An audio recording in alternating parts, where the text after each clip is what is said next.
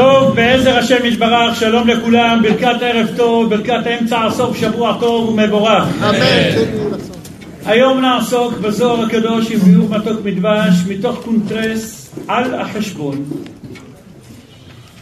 נראה לנו פשוט על החשבון, אבל יש גם כן על פי התורה מה זה על החשבון. אנחנו נלמד שיעור שכולו דברי תורה מההתחלה לסוף, נסדר קצת את השכל עם הרבה עניינים, מעניינים שונים, וגם חידושים יקרים מאוד, שיפתרו לנו תעלומות חיים, נמצאים בשיעור שלפנינו. אחים יקרים, שמעתי אדם אחד שאמרו לו לך תתחתן. אמר אותו אדם, כבוד הרב, אני מחפש מישהי עם ראש פתוח. מה, אני רוצה אחת עם ראש פתוח. לא, יש לי שכנה אחת, חלמה שהיא רוקדת, בלילה נפלה מהמיטה, פתחה את הראש. רוצה אחת עם ראש פתוח? לך אחת עם ראש פתוח. מי שחשב שמה שאמרתי עכשיו זה, זה איזה בדיחה, תכף תראו איזה שיעור שלם יש על זה. מי שמחפש אחת עם ראש פתוח, ומי שהיא מחפשת אחד עם ראש פתוח. עוד מעט נראה איפה פתוח ואיפה סגור. אבל בואו רבותיי ניכנס תכלס אל העניינים, אל כל אדם ואדם בפני עצמו, ונראה מה אנחנו הולכים לפתור היום בשיעור. היום השיעור זה לא פוליטיקה, זה לא מדיניות, זה לא מצב בארץ, זה דברי תורה עם שכל בכל בכל המישורים. שיעור מאוד מחוכם, דברים פשוטים, אבל צריך להכניס אותם בחוכמה. יש אדם שהלך לישון בלילה, בא אליו אליהו הנביא, בחלום. איש או אישה, ובא אליו בחלום אמיתי, ואמר לו, משאלת לבך מהי? הוא אמר את המשאלת לבך. אמר לו, מאה אחוז תקבל. שאל אותו תוך כמה זמן? אמר לו חודש. הוא קם בבוקר, מה זה שמח? מה זה בטוח? ואני אומר לכם רבותיי, מדובר על בן אדם בוודאות, לא החלבמבה לפני השינה ומהעננים חלם חלום, אלא אדם שחלם חלום אמיתי. ואתם יודעים מה? נתקדם עוד שלב. לא חלום, בעקיץ. יש אדם שבעקיץ, בא הקדוש ברוך הוא בכבודו ובעצמו, נותן לו תקיעת כף, ואומר לו, תשמע, מה משאלת לבך? הוא אומר לו. הוא אומר. אומר לו, אני ערב שככה יהיה. קבל. אפילו קבע לו זמן. יש לך ביטחון יותר גדול מזה? שבא בעל הישועות כולם, הקדוש ברוך הוא בכבודו ובעצמו, ואומר לך, המשאלה התקבלה, מעולה. אתה יכול ללכת רגוע אחרי זה או לא?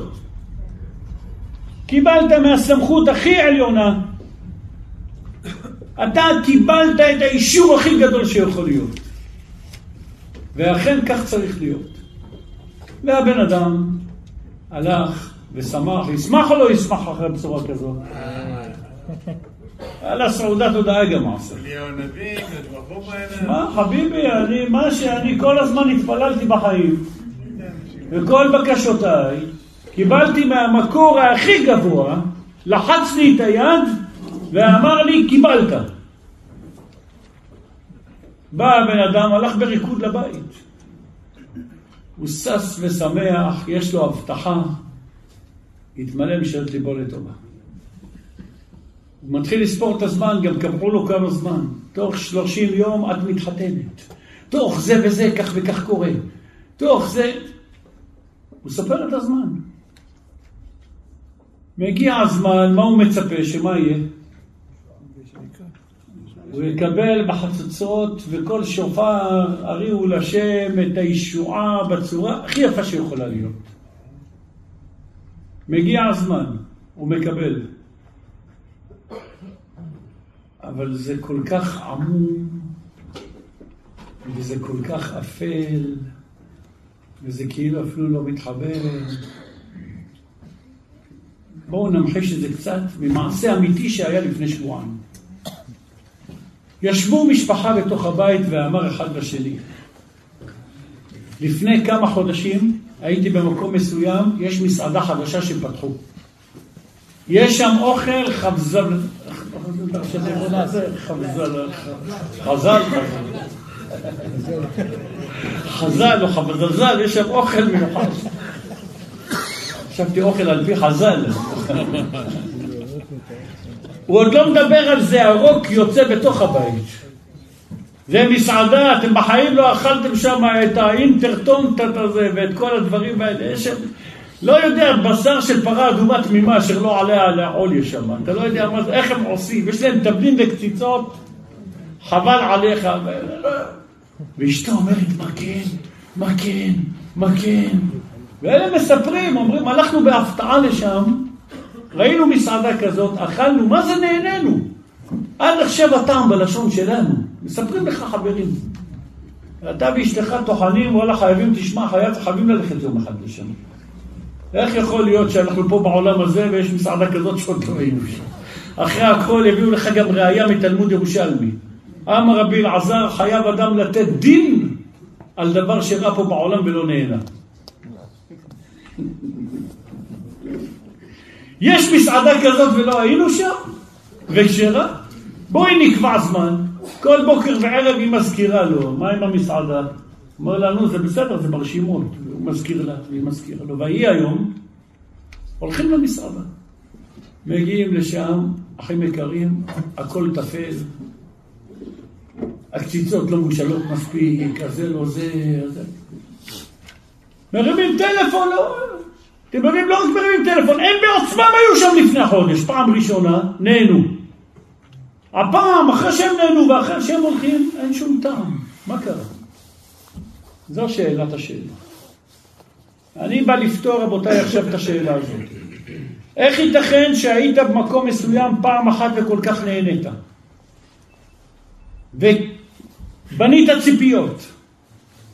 וכשאתה הולך לשם, אחרי כל בניית הציפיות האלה, אתה מקבל שתי סתירות. שום דבר זה לא זה.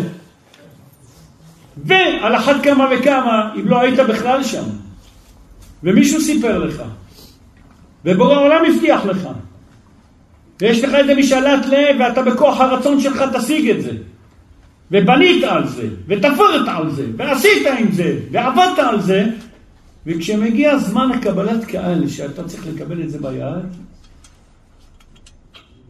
איפה כל הציפיות והנאות וכל מה שחשבת? התשובה רבותיי לכל אלו נעוצה בדבר כזה שנקרא בשתי מילים על החשבון יש לו הלך רוחני והלך גשמי וזה מבוסס על פסוקים, על תורות ונראה גם מה עושים כדי לא להפסיד את זה. הכלל הפשוט מהמושגים שאנחנו יודעים, מה זה על החשבון? אדם רוצה משכורת ועדיין לא עבד את החודש. הוא הולך לבעל הבית, מה הוא אומר לו? תשמע, תן משהו, אומר לו, אבל עדיין לא עבדת. הוא אומר, תקזז אחר כך מהמשכורת. עכשיו תן לי, אחר כך תוריד ממה שיש. זה נקרא על החשבון. כולנו מסכימים דבר אחד, מה יקרה בסוף החודש? הוא יקבל את המשכורת המלאה או לא? למה? לקחת מראש. מי שלקח מראש משהו על החשבון, בסוף החודש החשבון הוא לא חשבון מושלם. אבל אם אתה לא לקחת מקדמה, ולא לקחת על החשבון, וחיכית עד הסוף, מה תקבל בסוף? מלא. שלמה המלך אומר פסוק, נוצר, הדפסתי את זה פה, נוצר תאנה, יאכל פריה. אדם שיש לו תאנה על העץ והוא מתגרה בהתחלה ובא חותך איזה ביס אחד משם, חכה, אי אפשר בלי לטעום.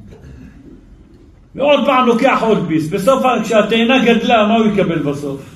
תקבל שם תאנה, תולעים בתום. אתה עוד פתחת אותה.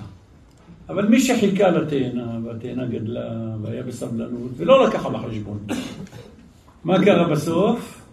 תקבל את כל התאנה מושלמת. באה הגמרא ואומרת לנו סוד גדול. מה שלא חלמת, עכשיו תתחיל לחלום בהגיץ. מה הפירוש על החשבון? וכאן יתגלה לנו אחד הסודות הגדולים בבריאה. אומרת הגמרא, אדם שחלם חלום, ויש חולמים ויש חולמים. מה אתה חלמת אתמול? אל תספר. חלמתי על האופן המעולה בתנור. תשכח מזה.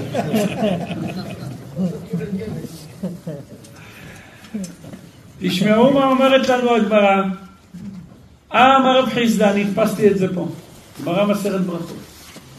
חלמה בישה הציבותי מסתיה. חלמה טבע חדווה מסתיה. מה הפירוש? אדם שחלם חלום רע, רחמנא ליצלן. הוא קם בבוקר שמח או עצוב? ויש כאלה לא רק בבוקר, גם בצהריים הוא עצוב. ויש אחד גם אחרי הצהריים בגלל החלום הזה הוא עצוב. אומרת הגמרא, אדם שחלם חלום לא טוב, והוא עצב מזה, עצם העצבות מבטלת את כל הרע של החלום. עציבותה מסתיה. הוא לקח על החשבון את הרוע. וכמה שהיה יותר על החשבון שלא היה לו נוח מהחלום, כך התגשמות החלום אחר כך לא צריכה להיות רע. הוא חלם רע, אבל הוא לקח על החשבון בשברון לב על הבוקר. ומה הלך לעשות? לא להיכנס לדיכאון במיטה ולקחת עכשיו חשיש. לא. אלא הוא נכנס למשבר והוא רץ לחפש כהנים. והוא רץ לחפש בכנסת פתוח ולשמוע ברכת כהנים. ונתן צדקה. ועשה עוד שיעור תורה ביום הזה. היה עצב עם עצמו, דואג מעצמו. העצבות, הדאגה, המשבר הזה, לא מותיר לך את המשבר האמיתי שראית בחלום. כי לקחת על החשבון מראש את העצב. נקרא את זה בפנים עוד. הציבותי מסתיה, מה רש"י אומר לנו? דיו עצבונו. מה שהאדם מתעצב עליו, מבטל את החלום הרע. גמרנו, לא צריך יותר. אבל יש עוד דבר נוסף. חלם חלום טוב, חטא ומסתיה. דיו שמחתו, מה שהאדם שמח עליו מבטל את החלום. חלמת שזכית בפיס במיליון דולר, חלמת שבא אליהו הנביא ונתן לך תקיעת כף והבטחה שאתה לוקח את המכרז מספר אחד לעולם ומכל העולם בחרו ממך וזה אמת החלום. קמת בבוקר וחגגת על זה מראש. כמה שאתה חוגג יותר, אתה מבזבז את ההנאה ואת הנתינה שאמורה להתקבל אצלך. משום שנגזר עליך הטבה, כמה ש... אה, כמה שאתה לוקח על החשבון את ההטבה הזאת כרגע מראש, בשמחה, לא השארת לעצמך אחר כך שמחה אחר כך. קם עושה קידוש, ראיתי את אליהו הנביא בעיניים חלוק לבן, ואמר שאני זוכה ואני זה ואני זה וזה והכל בזכות. הכל טוב ויפה, החלום הוא אמיתי, ברור העולם אפילו נתן לך תקיעת כף. אבל ברגע ואתה מתחיל לחגוג מעכשיו, אתה מתחיל לקחת כבר את ההטבה מראש. כשיגיע התאריך שאתה צריך באמת לקבל, אתה לא תקבל את זה בשלמות, לפעמים גם לא יישאר לך כלום. חלמה מסתיה. החלום שלך הוא מסיר, מזיז, הוא על החשבון העצבות שיש לך או השמחה בעקבות אותו חלום. תגיד, אני אבל בקושי רואה מהעולם הזה טוב, מה נראה לך? שגם חלמתי חלום טוב וקצת חייכתי, נו אז מה, ואמרתי לעצמי איזה בדיחה, אז בזבזתי משהו על החשבון? בא רב יוסף. אמר רב יוסף, רב יוסף היה סומה. הוא לא היה רואה בעיניים. האדם שלא רואה בעיניים, כבר כמה הנאה יש לו? אומרת הגמרא, אמר רב יוסף, חל מטה ואפילו לדידי. אפילו אני אדם שחולם חלום טוב ושמח בו, ואני אפילו עיוור על שונאי ישראל, בדיחותא מפקחלה. מעט השמחה שנגרמת לי מחמתו בבוקר מבטלת את החלום הטוב. אפילו אדם עיוור שלא יודע ולא נהנה מטוב, החיוך שלו והבדיחה שלו לוקחת על החשבון את הטבת החלום הטוב. לאור כל זאת מסיקה הגמרא ואומר רש"י, אדם טוב מראים לו חלום טוב, ועד שלא יקיץ משתכח ממנו כדי שלא יסתכל. אדם שאוהבים אותו מהשמיים, מראים לו חלום טוב, אבל רגע לפני שהוא מתעורר, הוא שוכח מהחלום. הוא זוכר, חלמתי משהו טוב, אבל לא זוכר לא פרטים ולא כלום. למה? שלא תעוף על עצמך, ואז מה יהיה? תבזבז את ההטבה. שלא תבזבז את ההטבה. כי גם אם נגזר על האדם מה שנגזר, ומגיע לכולנו שיגזרו עלינו דברים טובים, עדיין הבחירה בידך מתי לקצור את ההטבה. האם לקצור אותה ויגיע זמן הפירעון, ולכן אותה אחת שהייתה באותה מסעדה, אותו זוג שהיה באותה מסעדה, ופעם ראשונה הם הלכו למסעדה בהפתעה. נגזר עליהם שהם ייהנו שם. איך שהם באו הם נהנו, כי קיבלו את כל ההטבה איך שהיא. אבל אחר כך כשהם הלכו לבית ודיברו ודיברו ודיברו, בפעם השנייה שהם באים, אין את הטעם של האוכל של הפרוש. כי הם אכלו את ההנאה של ההטבה שיש במסעדה הזאת בפעם הבאה. זה כבר לא זה. האוכל היה צריך להיות באותה רמה, ובאמת בישלו אותו באותו רמה. אבל השמחת חיים וההטבה זה כבר לא זה, כי אכלו את זה על החשבון מראש. כבר כאן אתה יודע שאם חלמת איזה חלום שהוא טוב, יש לך סימנים שהוא טוב. איזה סימנים יש לך שהחלום שלך הוא טוב? ירוקים. אתה מתכוון גרס. אדם, אדם שחלם חלום שהוא טוב, אם הוא קם בבוקר הוא לא מספר לאף אחד. כי אם תדבר על הסיפור, מה יהיה? תפרע את הצ'ק. ואביו שמר את הדבר. איפה זה כתוב?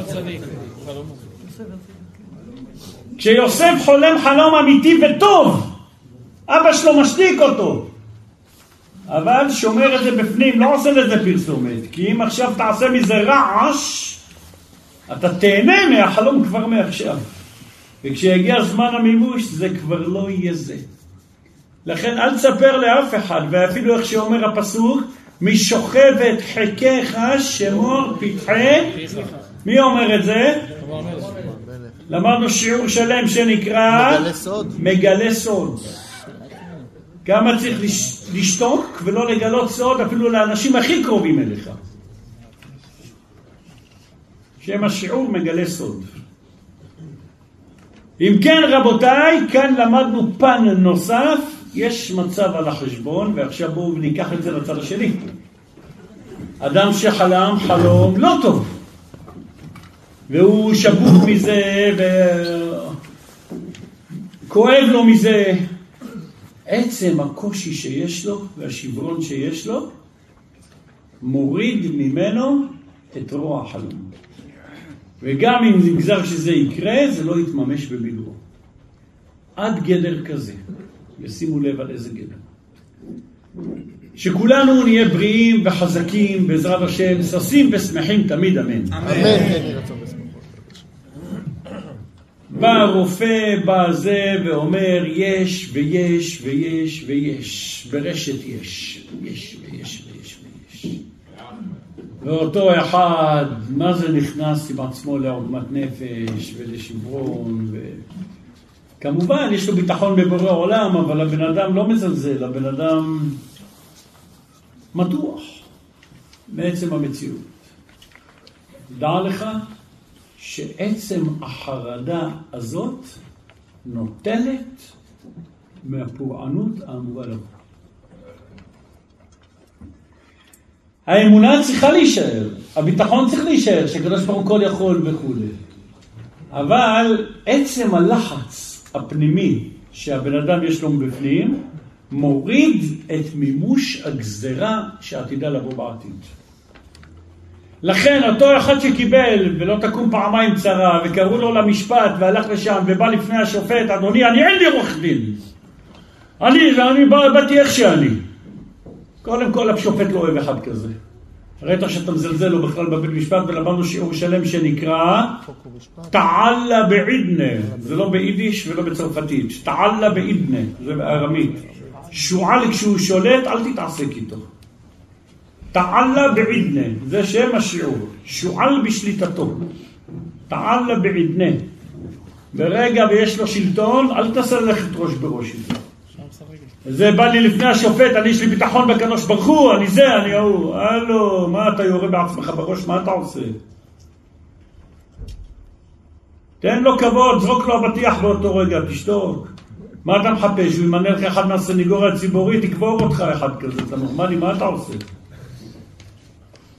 ככה לא עובדים. אבל אם תהיה בלחץ, הכל מת הבורא יתברך שמו. לא בלחץ של שיגעון וטירוף הדעת. ותלך לעורך דין, שקודם כל עורך דין של עצמו, וברור שהוא לא עובד בשבילך, הוא עובד בשביל עצמו קודם כל. אבל מה לעשות, כפרת עוונות, וכפרת עוונות הכסף, וכפרת עוונות הטרחה ללכת אצלו, וכפרת עוונות, ויש לחץ. הגזר דין בסוף נופל. לפי ערך הלחץ, הפניקה שהיה לפני. כשהרופא כתב את המרשם, עצם הטרחה שהבן אדם רץ, ואין את זה בבית מרקחת הזה, ויש את זה בבית מרקחת השני, ותלך לשם, ותלך להוא, ותלך להוא, וכל הזה, ואתה לא פרסיונל שאתה עוקף את כולם ונכנס ולוקח, ועמדת בתור, וכולי וכולי. כל הדברים האלה הם חלק מעל החשבון. שכשמגיע עידן הרפואה להתרפות, הורדת את הקצב של המרות על ידי כל הטרחה מסביב. עד גדר שיש אנשים שהם בגדר צדיקים, שהם עושים את כל הטרחה ורוצים וקונים את התרופה ואומר לו אין לך את זה פה, צריך להזמין את זה במרשם ותבוא לפארם סופר ותיקח את זה עוד שלושה ימים וזה משהו מיוחד, תרכובת והוא הולך ומשלם והכל אחרי שהלך וקנה ושילם את הכל, שם אותו בפח או שם אותו באיזה מקום, יצא ידי חובת המיתוק הרוע שלו. זה כל אדם לפי עניינו, אבל עצם העל החשבון שהיה פה הוריד את המינון. עצם ההליכה לעורך דין הזה, עצם הריצה פה, עצם הזה פה, ולא התקוממות. לא, אלא עצם זה שהבן אדם מבין שכשנגזר עליו הטבה, אם הוא לא מממש את ההטבה לפני כן הוא יקבל את ההטבה במילואה אחר כך. ואם הוא אוכל אותה על הדרך ברע, אז הוא לא ישלם את הרע בסוף. כי כל על החשבון פה מוריד אחר כך מהקרן האמורה לבוא. זה כלל יסוד, רבותיי, בכל התורה כולה. נוצר תאנה, יאכל פריה. חיכית על התאנה שתתבשל, היה יום הולדת, מום הולדת, עשו עוגת יום הולדת. מי שלא אכל מעוגת יום הולדת לפני כן, כשיגיע יום הולדת מה יקרה? תאכל את העוגה כמו שצריך. אבל אם אכלת וליקקת מפה ומשם, גם אם טייחת אותה, זה כבר לא אותו טעם. קח בקבוק סודה. אתה לא יכול להתאפק לסעודה, אתה פותח אותו בשביל רק לראות. כשתסגור לו את הפקק אחר כך יהיה אותו גזים או לא? למה? גזים עפו. לך תחפש אותה. מה קרה? על החשבון. ואם זה קולה, אז הלך לך הגזים של הקולה. תלוי מה היה. אם יש תינוק בבטן ואתה מחטט לראות מה יש בדיוק בבטן, כשיצא התינוק אחר כך מה תקבל? קוף. זה מה שהאמא רצתה. ביטוח לאומי תקבל. אבל אם שתקת, כל הזמן זה היה הפתעה. הפתעה, הפתעה, הפתעה, הפתעה, הפתעה. מה יש בבטן פה? הפתעה. מה מלך מלכי המלכים הקדוש ברוך הוא נותן? לא לקחת על החשבון, לא לא הצמדת מצלמת אולטרסאונד 66 יום, 67 יום, מחשבון אלקטרוני, דפי זה, מעלה לענן את הבטן שלה שעוד לא יצא מהענן בכלל. תמונות, בת... וואלה, מה תקבל? בסוף לא יישאר ילד להוציא. תגיד לי, אתה נורמלי? כל מי שמבזבז את ההטבה על החשבון מראש, אוכל אותה בקרן אחר כך. וכנ"ל, הפוך. כל מי שיודע לסתום את הפה בדברים הקשים שעוברים עליו כרגע, כשיבוא גם הגזירה שהייתה אמורה לבוא, ייתכן שהיא תתבטל לחלוטין. וכבר לא תהיה גזירה. עד כדי כך. יש באחד מספרי גדולי הדור שלנו שאלה. שנהיה כולנו בריאים שוב. אישה אחת פתאום שומעת חריקת רכב בצורה מתחת לבניין. היא יוצאת היסטרית מקומה רביעית ורצה עד למטה. הילדים משחקים ברחוב שם. הלב שלה נפל בקרבה. בסוף מתברר שזה לא הבן שלה. השאלה שנשאלה פה, האם האישה הזאת יכולה לעשות סעודת הודאה על זה שהבן שלה לא נפגע. והיא רצה כל עוד נפשה בה ושמעה את החריקה והיא ראתה ילדים שם והילד שלה שיחק שם וכולי. זו שאלה שהעלו פוסקי הדין, הדור להלכה. אז יש שאמרו, לא, מה פתאום, על חשבון זה, האחרים כן נפגעו, ואת לא, מה, אבל בסופו של דבר הבן של השכן קרא לו, וכולי, וזה. התשובה היא, יש צדדים, ש... כן, חייב. יש צדדים שמותר לעשות סעודת הודאה, כן. ולהגיד נשמת כל חי. למה? כי נגזר גם על הבן שלך. ומהחרדה שהייתה לך, ומהריצה במדרגות, ומהלב שהנשמה כמעט יצאה, וכמעט וידוי אמרת עם עצמך, יתבטל הדין מהבן שלך. כלומר מציאות שבן אדם מגיע לפעמים עד סיטואציה של טעם של מוות, ביטלת את המוות עצמו. כי הגזרה הייתה מוות שלם. רק כל על החשבון לפני כן פרע לך את המוות עצמו. והפוך, גם בהטבה. כמה שאתה נהנה לפני, תשכח מאחרי. והגמרא הביאה לנו כאן כלל, חלום אפילו שהוא חלום אמיתי, אם קמת ושמחת בו כל כך, אכלת את הפירעון של החלום. גם אם זה חלום אמיתי, וגם אם ככה גזרו מהשמיים שיהיה לך טוב. אכלת את ההנאה לפני, כי נגזר על האדם כמה הנאה תהיה לו מזה. לכן, דבר טוב תשתוק, שב עם עצמך בלי הרבה דיבורים. ודבר רע, תערער בתשובה ותחפש פתרונות, ואדרבה, ואל תגיד אני הולך לשופט בלי כלום, ואני זה, ויש לי ביטחון, ואני הכל. אללה חביבי, תירגע, לפעמים נגזר עליך גזירה, אתה ממתיק את הדין על הדרך עם כל השלבים האלה. ועם כל התרופה של הרופא הזה, ועם כל הבלבלת הזה. לא שצריך, נכון, כולנו מודים, הקדוש ברוך הוא רופא והוא מרפא והוא צופה והוא העזרה. והוא גואל והוא מלך פודה ומשיע והכל, אבל אל תרים לי כתפיים ותהיה לי פתאום אני, אני ואני. כי עצם המציאות לפני מבטלת את גזר דין אחרי, בין לטוב ובין למוטב. כל מה שלמדנו עד עכשיו מובן שזה על החשבון, זה גם כן הגיוני, עמוס אתה קלטת את זה בשתי האוזניים, סביר, כן? לא תלך לבית מחר לשאול אותי שאלה, זה ברור, ברור כרגע? לחלוטין. יש לך משכורת, לקחת מקדמה בתחילת החודש, אל תצעק לי באמצע החודש פה על הכסף, כן? ברור. זה ברור לכולנו ללא חולק, וכל זה היה פתיחה והקדמה לבום טראח של השיר. כשאומרים לך, לך תתחתן, כשאומרים לך, לכי תתחתני, כשברוך השם כבר יש מישהי על הכוונת, ויש מישהו על הכוונת. חכה לאוגוסט. שתגמור את הלימודים, שאתה תגמור את החיתולים, ובינתיים יוצאים. אבל אתה אוכל את ההטבה. אכלת אותה, אתה בליל החתונה תרגיש מר. אתה אוכל על החשבון. את נהנית על החשבון בשנה הזאת עד אוגוסט. עד שיגמרו הלימודים, נגמרים החיים. זה המציאות. אני לא מדבר על עבירה, אני מדבר אפילו על עצם הסטטוס של נגיד בחלום, זה לא במציאות שהם לא נוגעים והם מרוחקים. זוג יונים שעפים כל הזמן, אחד מהשני, לא אחד אל השני. בוא נגיד ככה, על זה אני מדבר, אתה גומר את ההטבה. על אחת כמה וכמה למי שבכלל לא בכיוון. ונראה, אחר כך נתחתן, אחר כך נעשה. באה הגמרא ואומרת, אוי בין לרווק ובין לנשוי. הקדוש ברוך הוא ברא ביולוגית, גבר או אישה, אם לא הבנת, לא קרה כלום, אחרי החתונה תבין. הקדוש ברוך הוא ברא גבר ואישה ביולוגית, שאחד משתוקק לשני. והקדוש ברוך הוא, אין פה ילדים, נכון? יש קטן. אני אסרתי להביא ילדים לשיעור הזה. מי שמביא אותו, ראשו בגנגנו וכו', פה.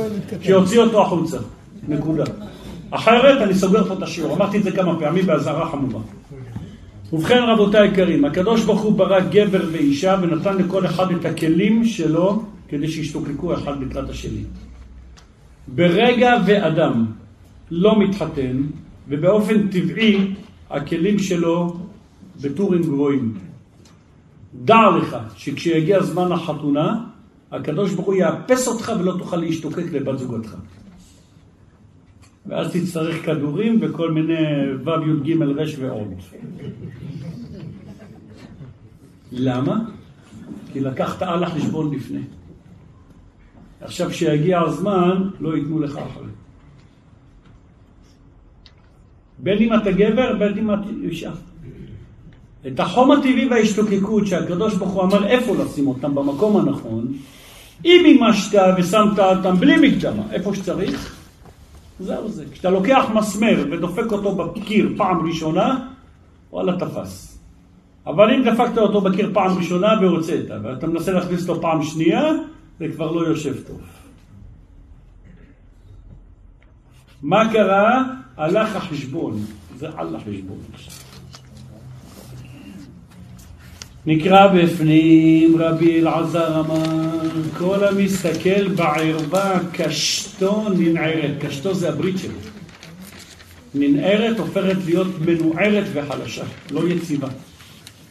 שנאמר פסוק מפורש, עריה תאור קשתך, אומר רש"י. זה גמרא מפורשת, מסכת סנהדרין. אומר רש"י, קשתו ננערת, כוח קישוי איבר שלו ננער שאינו מוליד. כי זרע שאינו יורה כחץ, אינו זרע, איש לא יכול להוליד. מה קרה? לקחת על החשבון לפני, תשכח מאחר. זה הכול. לא, בגלל שנחלשו הדורות, אז כל אלו כבר מגיל 25 כבר חיים על כדורים. בגלל שמימשתם את זה במקום הלא נכון. לקחתם על החשבון, ולכן עכשיו איפה שצריך את זה, רק טיפולים, ורק זה, ורק ההוא, מבחינתך או מבחינתך. פתאום בורח לה לחמש, שש, שבע, שמונה, ולא יודעת איך מקצרים את זה, ומה עושים, ומה ומה ומה ומה, ומה ומאה מסטיקים תימנים לא עוזרים לה. מה קרה? כן, יש תרופה כזאת, מסטיק תימני, כדי לקצר זמן של אישה. מה קרה? באופן הטבעי הכל היה צריך לעבוד דוך דוך. היה על החשבון.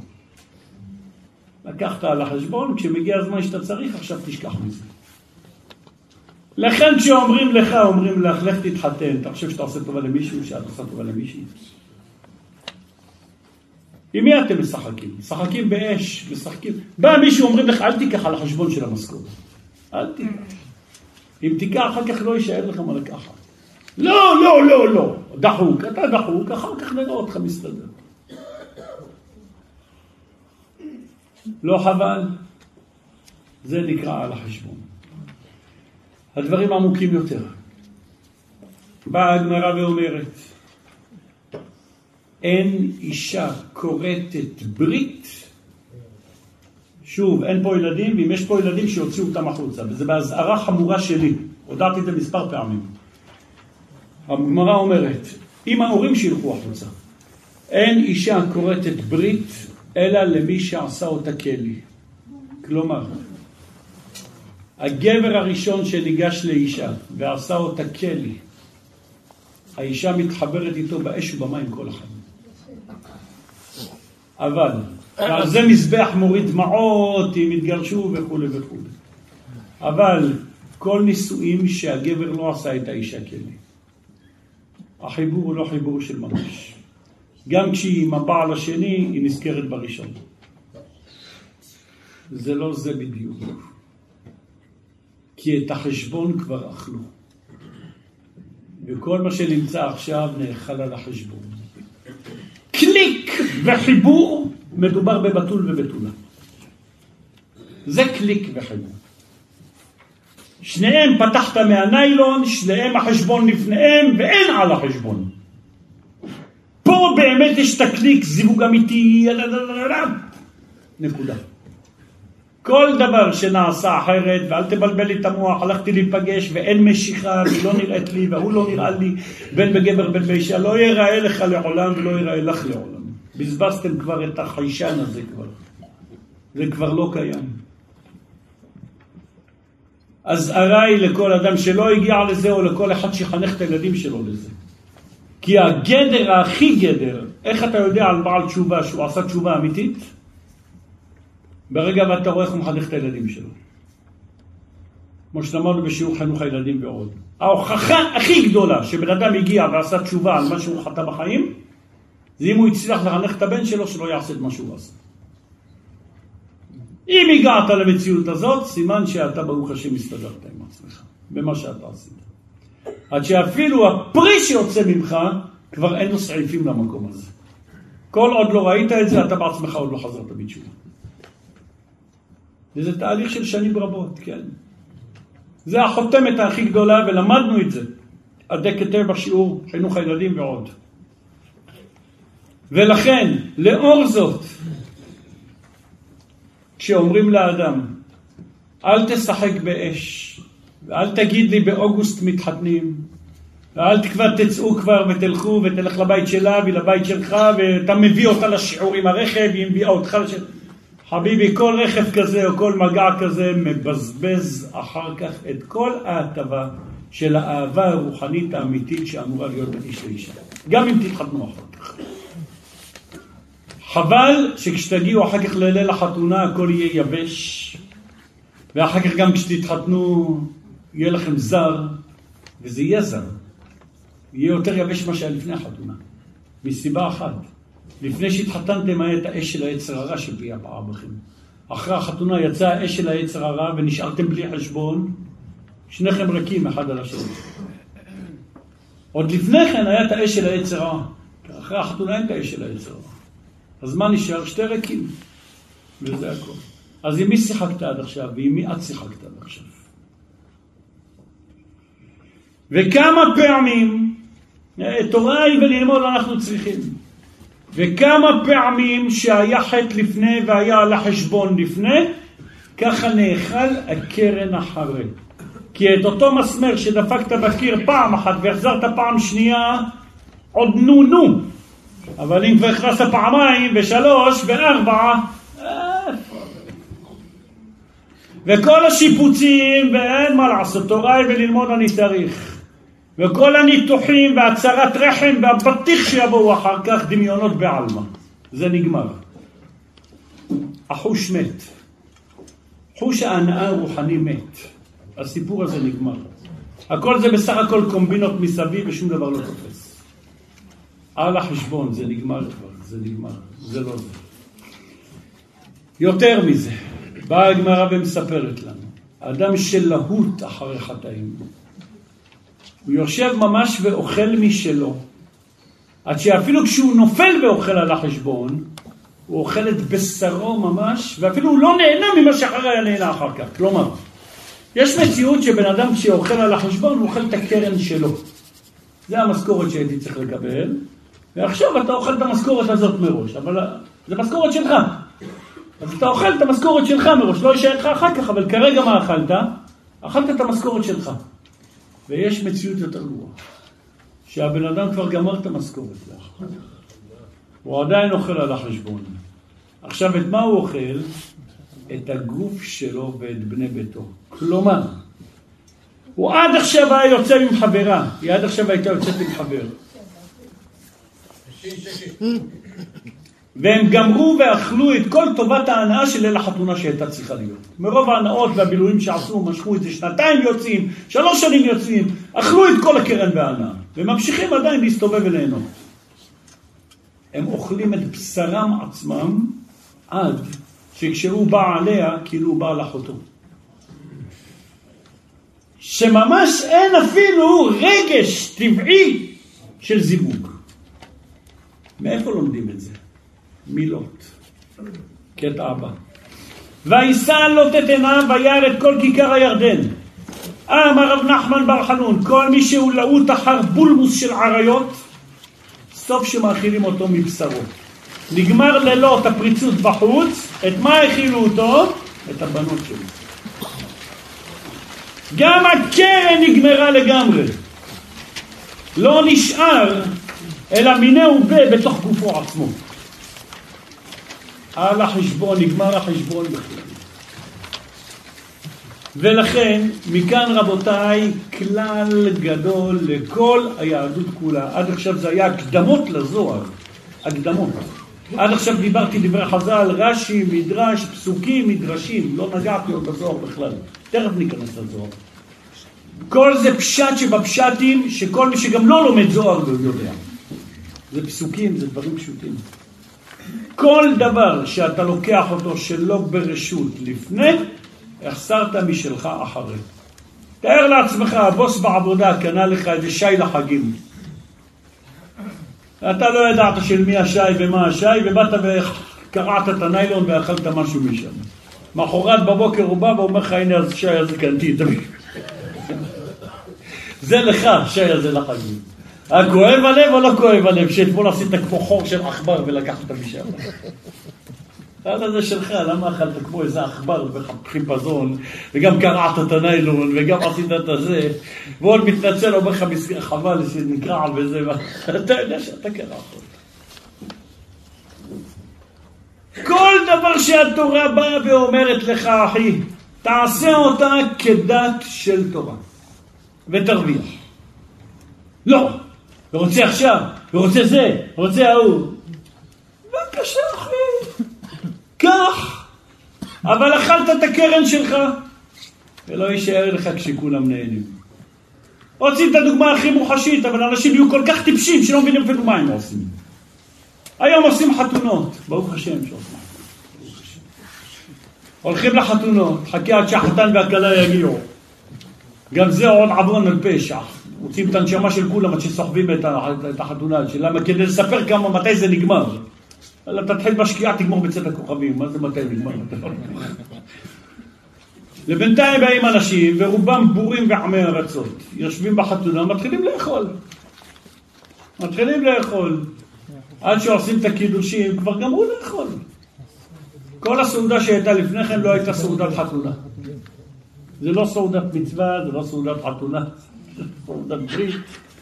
זו הייתה סעודה כאילו אכלת שווארמה בחוץ, גנבת אפילו פה על חשבון החתונה. הסעודה של החתונה מתחילה מרגע ועשו את הקידושין. הסעודה של הברית מתחילה אחרי שעשו את הברית. אז זה סעודת מצווה. כל מה שהיה לפני כן כאילו אכלת במטבח. זה לא. זה לא סעודת מצווה, אין בה את הסגולות של הסעודה, אין בה כלום. שמתעכבים.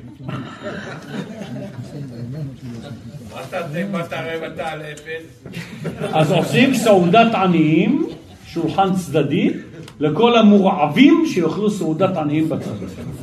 וזה מנהג ישראל.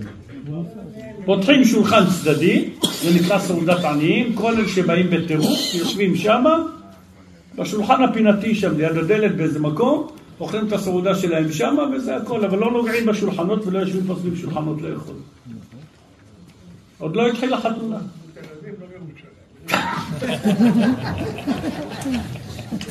עניים זה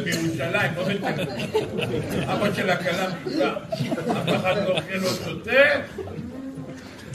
השם ירחם. זו הנקודה. אתה מגיע כבר עד הזה, למה אתה עושה את מה שלא צריך לעשות? בוא תהנה ממה שצריך לעשות במקום. אדם מגיע, אתם יודעים, ניקח עוד קצת, נתקדם עוד שלב. אדם בא מבית הכנסת בליל שבת. התפללת, וואלה, נשים, תשמעו, אם לא תשתקו, אני סוגר את העזרת נשים פה. מה זה שעון דובר בא לפה היום?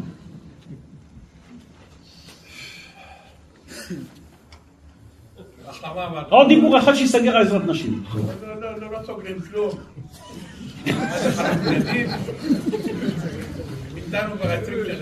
ובכן,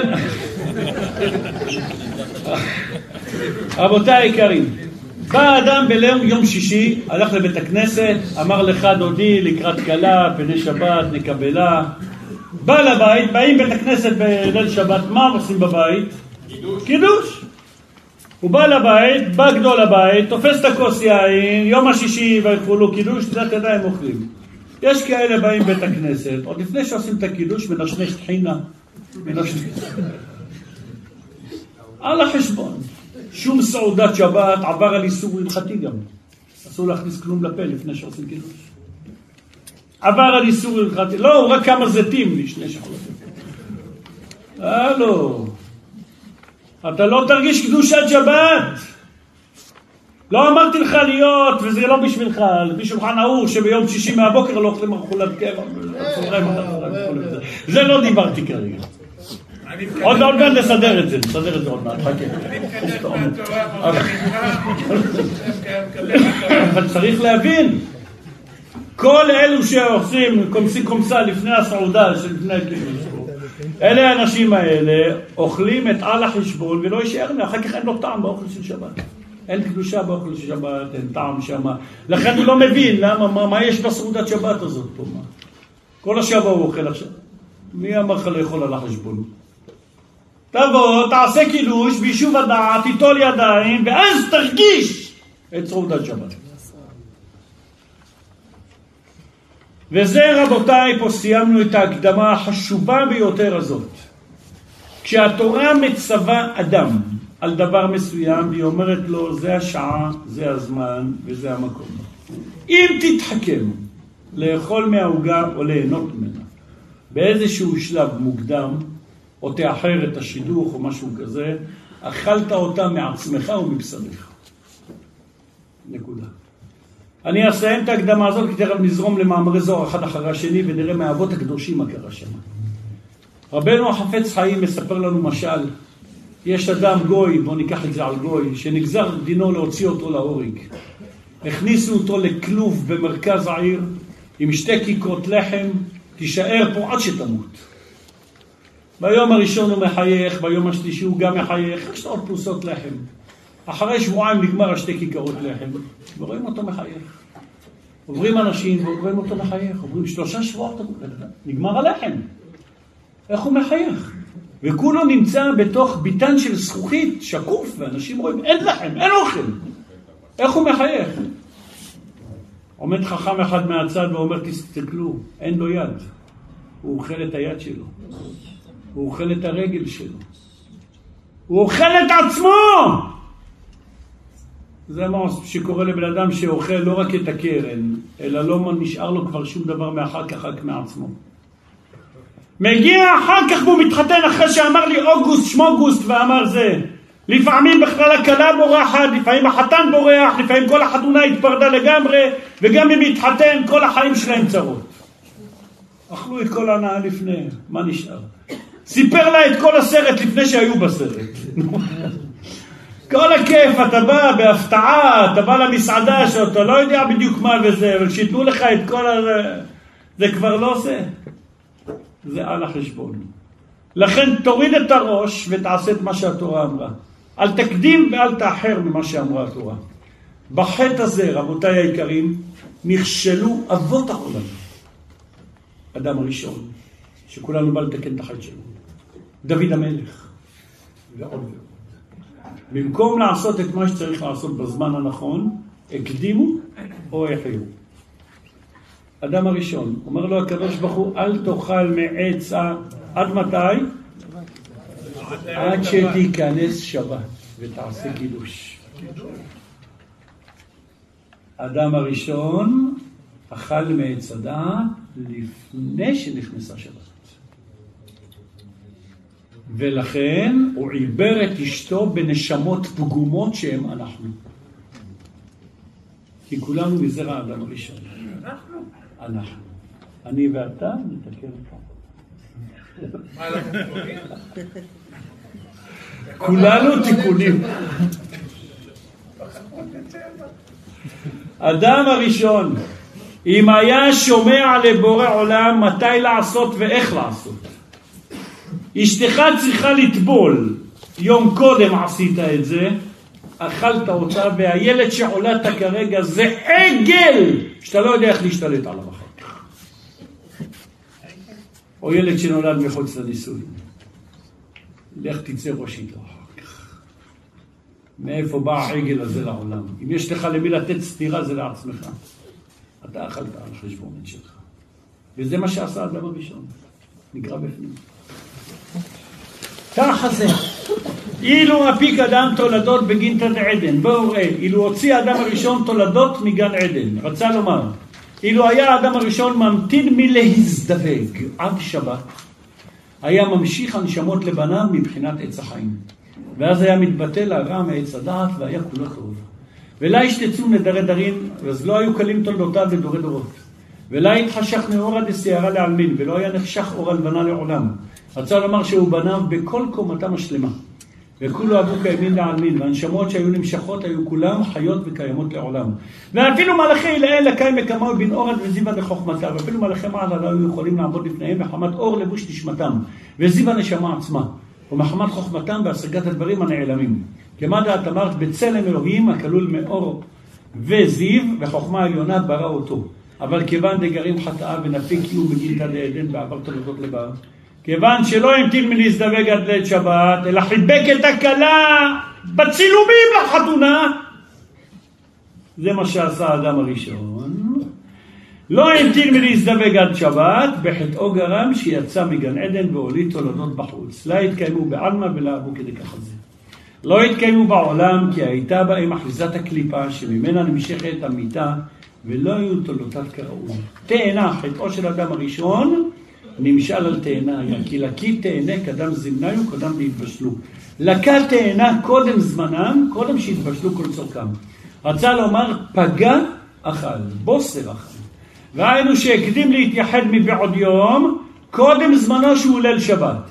ולא המתין עד ליל שבת עד ליל החתונה.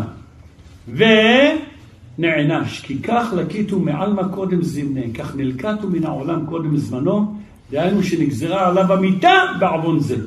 ודי הוא רזה, וזהו סוד כי חטאו של אדם הראשון, מאן דגרים לעימותון בנו קודם זמנהו על שונאי שונאי ישראל הזו, עכשיו מפרש לנו סוד גדול. למה האדם נענש אחר כך בחולי ילדים או בדברים אחרים, אחרי שהילדים באו לעולם? כי הכל היה לפי על החשבון לפני. מי שכי גורם בעוונותיו על ידי הוצאת זרע לבטלה שימותו בניו קודם זמנם, דהיינו בקטנותם.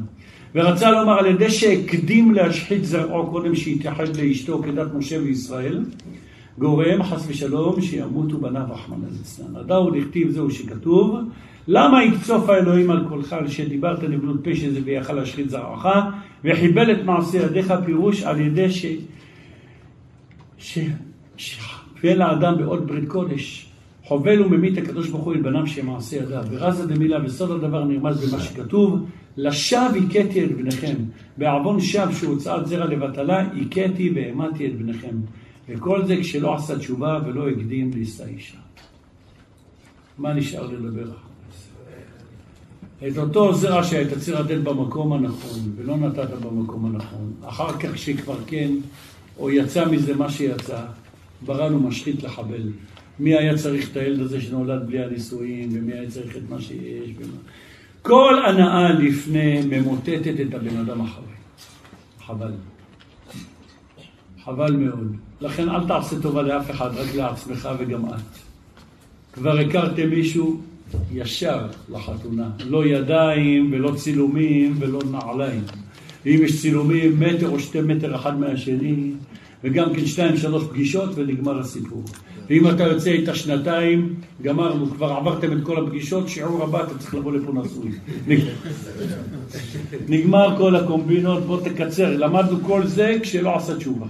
התשובה, לך תתקן את זה עכשיו. כל רגע שאתה מתעכב או את מתעכבת, משחקים בעצמכם. ואם היא תיקלט בהיריון או אתה בזה וכולי, זה צרות צרורות שלא נגמרות אחר כך.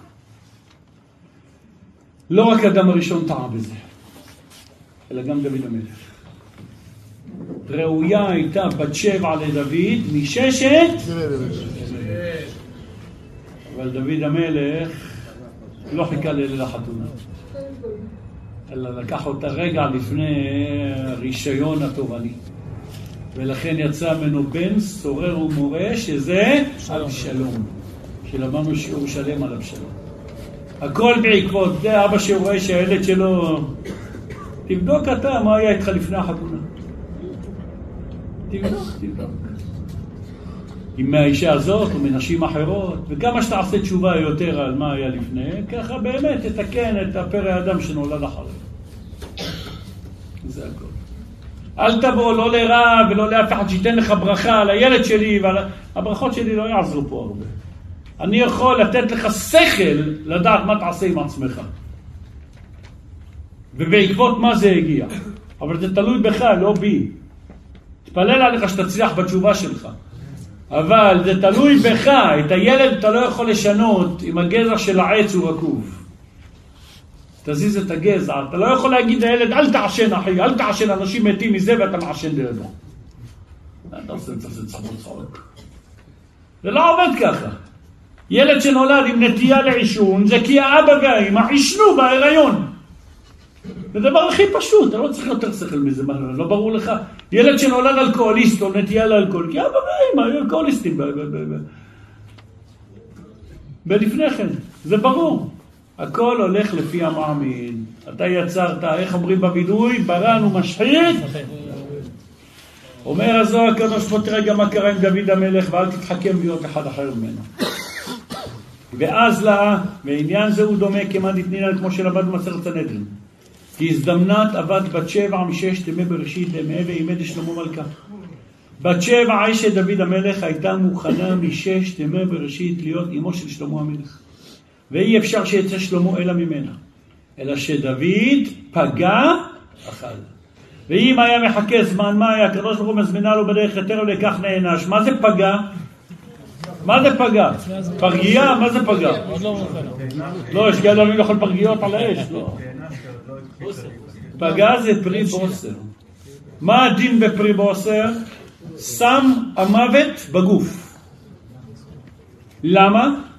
כי טבע, אומר רבי נחמן הצדיק, רבי נחמן ברסלב, זכותו יגן עלינו ועל כל ישראל, אמן.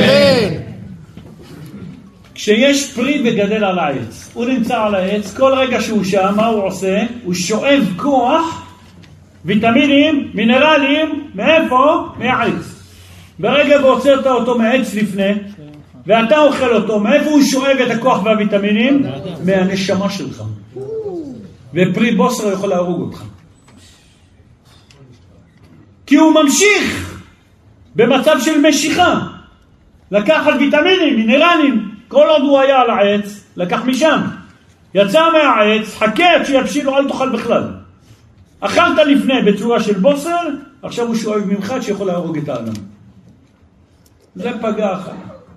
לקחת משהו שהדבר הזה לא מוגמר, ושלא יספר לך שום ירקן בעולם, תהיה מהכורדים שלנו, מהספרדים, ותאכל את האגסים האלה שלא מבשילים אף פעם.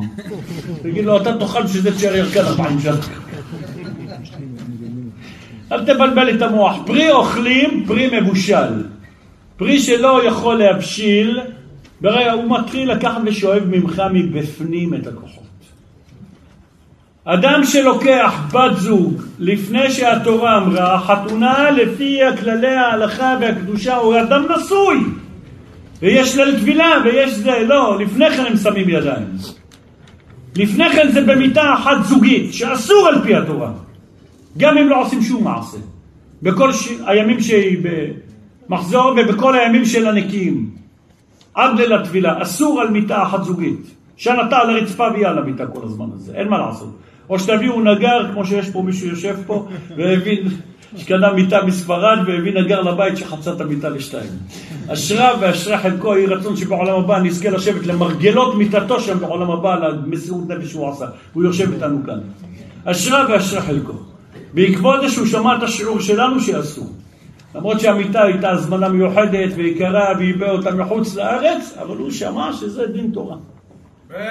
אז הוא הביא מסור, נגר, מצא את המיטה לשתיים. גיבור, גיבור. בטח גיבור. כיפר על עצמו ועל כל עם ישראל במה שעשה, אשרה ואשרה חלקו. אם כן, אלה שיושבים ואוכלים מאותה עוגה לפני שהגיע זמן טבילה, או יושבים... איך אמר אליהו הנביא במדרש?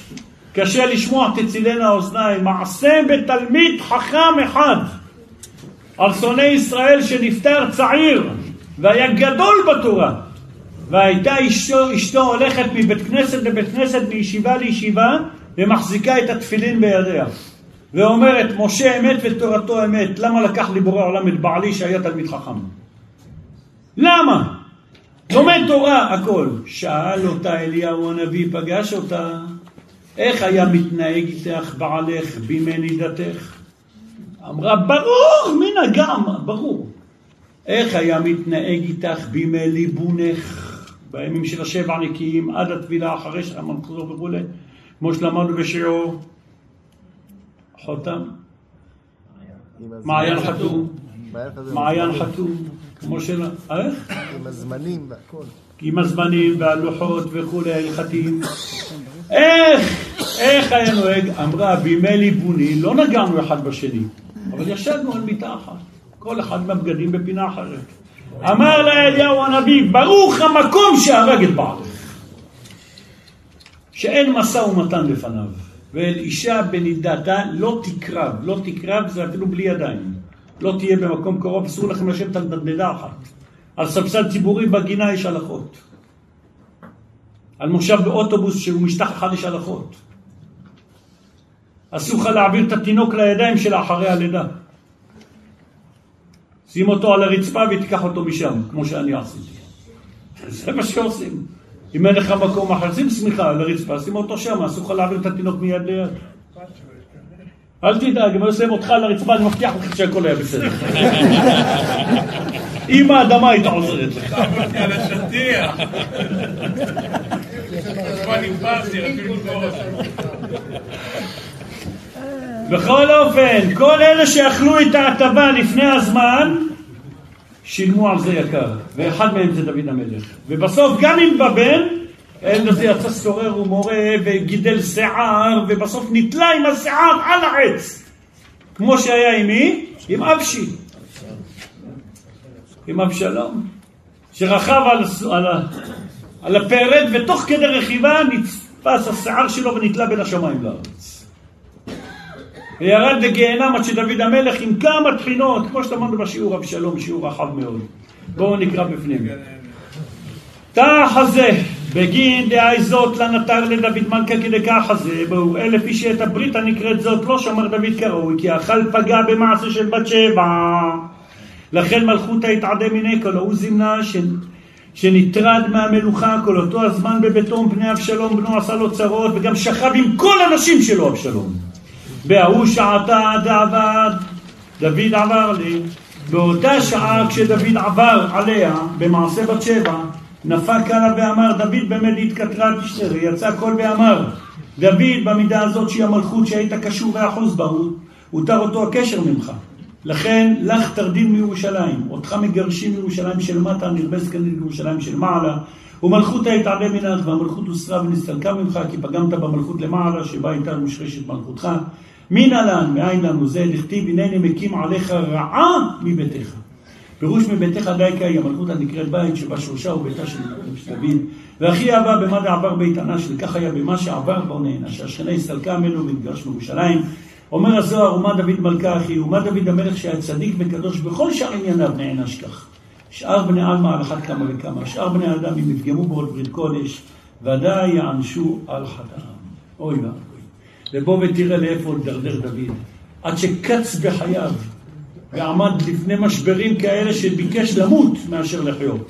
אמר רבי שמעון, תח הזה, דוד כדידחיה לארה אחריו וצערים דוד המלך כשנדחה לארץ אחרת בברכו בני השאול שרצה להורגו וציערו אותו ולפום צער דחיה מהר הקדישו מחמת צערו וחלישת דעתו נפל דעתו נפל לקטנות המוחין וירד במדרגתו אף על גב דנחית בדרגו לדרגתה אף על פי שירד ממדרגותיו למדרגה תחתונה היינו לחוץ לארץ הנקראת מדרגה תחתונה ושמו משכן החיצונים והתגברו בו החיצונים להטותו לסדרה אחת עם כל זאת קם בקיומי עמד במעמדו ובקדושתו ולעל לסטרא אחא והסתמר בדק לא נכנס בסטרא אחא ונשמר ממנו מה כתיב שאמר דוד ליונתן, ואולם חי אני, חי אדוני וחי נפשך כי כפסע, פירוש כשיעור פסיעה אחת היה ביני ובין המוות. כי כמעט שלא נהרגתי על ידי שאול. וכאן דורש רבי שמעון, כי המוות היינו רעך נקרא מוות. דהנחית בדרגו ידעבה באי שיעורה. כי דוד ירד ממדרגותיו, עד שהיה בו פסיעה בינו לבין עשית רעך, והוא התחזק ועמד בסוף בקדושתו. וכל הניסיונות והקשיים האלה, למה? כי אכל את בת שבע פגע.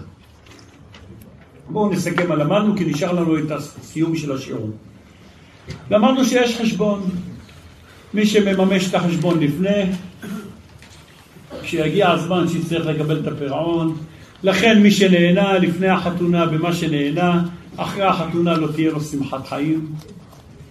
מי שנהנה מהעוגה לפני, אין לך את זה אחרי ותשכח. נקודה. כמה שבאמת מנעת את עצמך יותר, למדנו גם ברוע, זה אותו דבר. אם נגזר עליך, רחמנא ליצלן, איזה קושי ואיזה צרה צרורה, כמה שבאמת לפני אתה סובל ולא מורד כלפי מעלה, למה עשו לי את זה, ואיך עשו לי את זה, ככה צרה אמיתית שהייתה אמורה לנחות עליך, נמתקת. עד שלפעמים מתבטאת לגמרי. כי אתה מקבל את האיסורים הקטנטנים, את ההכנות האלה לפני בשקט, ולא מורד, אז ממילא אתה מבזבז את הרוע שאמור לנחות עליך אחר כך בסוף. וממילא כשיגיע אחר כך זמן של הרוע, לא תיענש מהרוע. וכאן הגענו לצד השני. אז לא כדאי לאכול לפני, כי לא יישאר אחרי, וכולי וכולי. האם זה גם ברוחניות ככה? שמי שנהנה משהו מהטבה רוחנית, מבזבז את ההטבה הרוחנית אחר כך. בא הפסוק ואומר, טעמו וראו כי טוב אדוני, אשרי הגבר יחסו. אם אתה הולך למסעדה ואתה מספר לשני איזה אוכל יש שם ומה יש שם ומה הוא, מה למדנו אחר כך שתגיע למסעדה מה יקרה? לא תהנה בדיוק, אבל אם לקחת אותו בהפתעה, אתה תהנה. אבל אם אתה הולך לשיעור תורה, ובדרך אתה מספר לחברך, לך תדע איזה שיעור יהיה, וכמה היה מתוק לפני כן, וכמה דברי תורה מתוקים. האם גם כאן בזבזת את ההטבה או לא? בא הפסוק ואומר ברוחניות זה לא ככה. תעבורו כי טוב השם. אשרי הגבר יחסה בו. דבר רוחני, אין לך חשש. תספר, תדבר, זה לא יבזבז לך את ההטבה, אדרבה, זה הכנה למצווה שתהיה. ובנית כלים אל המצווה שתהיה אחר כך. אתה מדבר על שבת, אתה מכין את עצמך לשבת, ולא נוחת ישר לשבת. אדרבה, עשית כלים אל השבת. בגשמי, אם אתה מספר על הסרט לפני כן, אתה לא תהנה מהסרט. אבל ברוחני זה כן עובד. הראיה הכי גדולה, וזה טוב תשמע, שזה שנינו נשארנו עד עכשיו, יש מצווה לטעום מהאוכל של שבת לפני שבת. אה, זה התכוונתי. אל תחולק עליי. זה דינא דגמרא והלכה בשולחן ערוך. למדתי את זה, עכשיו אה, זה עשו לי בלאגן בראש. וגם טועמיה חיים זכו. הלכה בשולחן ערוך, מצווה לבן אדם ביום שישי בצהריים, לפני שהולך בית הכנסת, ישאל את אשתו מה בישלת, וייקח לתוך צלחת קצת מהקציצה הזאת, קצת, כן, הביסלה, וקצת מהגזר הזה, וקצת מזה, ויגיד לשם מצווה.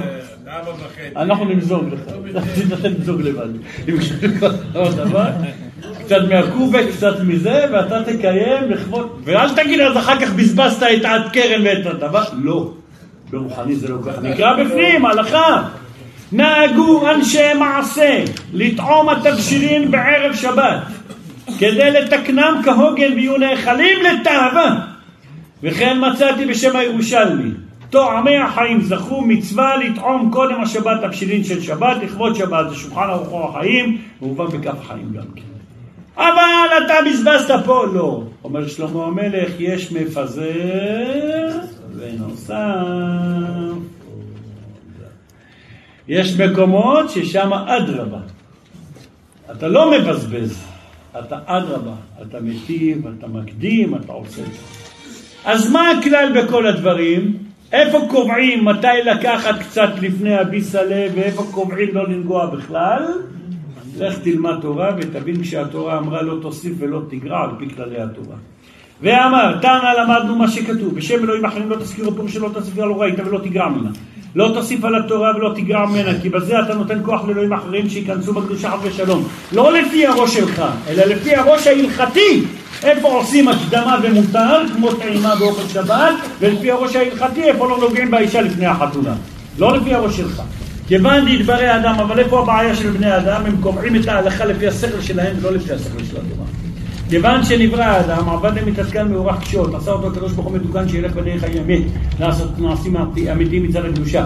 הדאו דכתיב אשר עשה אלוהים את האדם ישר, אבל הבעיה והמה ביקשו חשבונות רבים.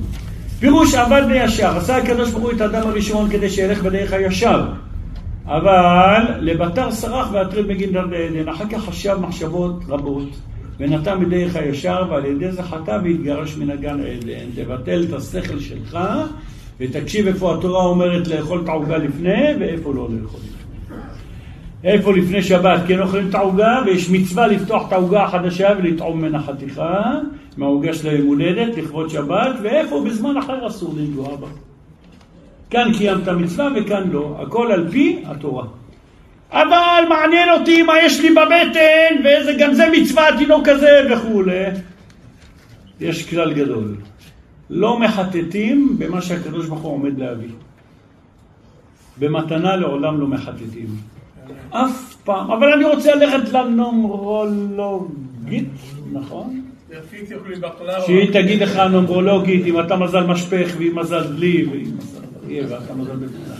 ומי יאכל את מי לפני כן ומה יקרה וזה. אתה מעניין אותך לדעת מה יהיה. ואז זוהר הקדוש ואומר את המאמר שכל יהודי מאיתנו צריך לחזור עליו בעל פה. אמר רבי יהודה מה שכתוב, הולך תמים היינו כנגד אנוכי השם אלוהיך. הוא מפרש מלמד שצריך אדם לקבל עליו אימת עוד מלכות שמיים ויאמר ויאמן באמונת עומל מהקדוש ברוך הוא ואין לו רשות לערער במה שאינו יכול להשיג. רצה לומר שלא יחקור חקירות בעניין האמונה משמע לכתיב זאת אנו למדים ממה שכתוב אנוכי אדוני אלוהיך סתם ותאמין בי בתמימות באמונה פשוטה. וראיה לדבר, כי כתיב אחר כתוב כאן הולך תמים, וכתיב אתה וכתוב שם, תמים תהיה עם השם אלוהיך, פירש רש"י יתהלך עמו בתמימות, תצפה לו.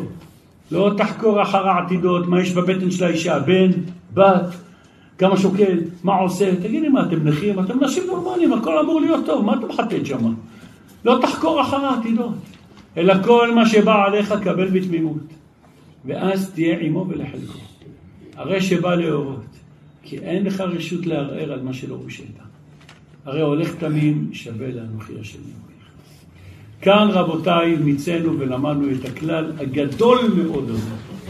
אף אחד לא עושה טובה לאף אחד, שהוא שומר על מה ואיך אמרה התורה. אף אחד לא עושה טובה לאף אחד שהוא מתחתן היום ולא מחר, וכל אלו שבאים עם כל התירוצים האלה, חכה אני צעיר, חכה אני צעירה, חכה שתגמור את הלימודים, חכה שתעשה פה, כל מפגש שיש ביניכם לפני, גזרתם קופון ממה שהקראתם אחרי. ולא משנה איך זה היה, במבט עין, ביד, ברגל, בכל דבר. אכלתם את בשרכם אחר כך. לא חבל? כל חפירה, מה יש בבטן האישה לפני ההיריון, אחר כך תשלמו על זה אחר בלידה, בהיריון, בכל מה שיש. שב בשקט, תכבד את השכל שלך. לך תמים אחרי הקדוש ברוך הוא. איפה שאמר לך לטעום כמו את האוכל לפני שבת, תטעם, ואיפה שאמר לך לא לטעום, תחכה.